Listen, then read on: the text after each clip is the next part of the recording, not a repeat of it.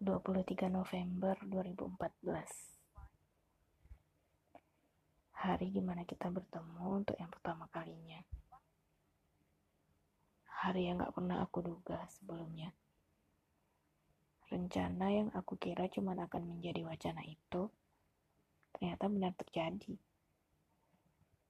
Di saat aku ngira kalau semua putra cuma bisa bacot tanpa realisasi dari kata-katanya, Ternyata kamu datang dengan menyanggupi janji kamu.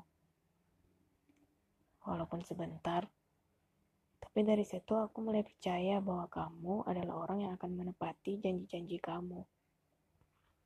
Aku mulai kenal dengan karakter kamu yang iseng. Persis seperti dugaan aku dan teman-teman sebelum pernah ketemu kamu. Perlahan, kata aku dan kamu berubah menjadi kita. Kita melewati banyak hari-hari bahagia. Entah itu lewat HP atau kadang bertemu langsung. Terlepas dari perasaan kita yang sekarang, aku tahu kita pernah sama-sama saling membahagiakan. Pernah jadi alasan untuk tersenyum dan tertawa, bahkan di hari-hari terburuk.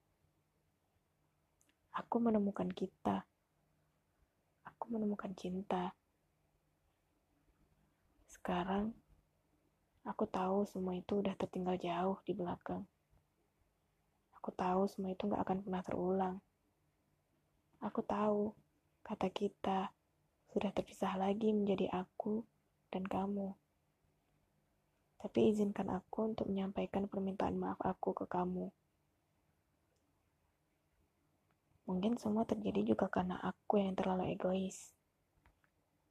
Aku yang gak pernah lagi mengapresiasi atau menghargai usaha kamu untuk tetap menghubungi aku. Aku yang berpaling.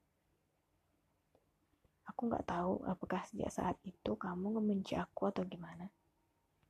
Yang jelas sampai sekarang, aku ngerasa kamu asing. Asing sekali. Seperti Emang kita pernah kenal?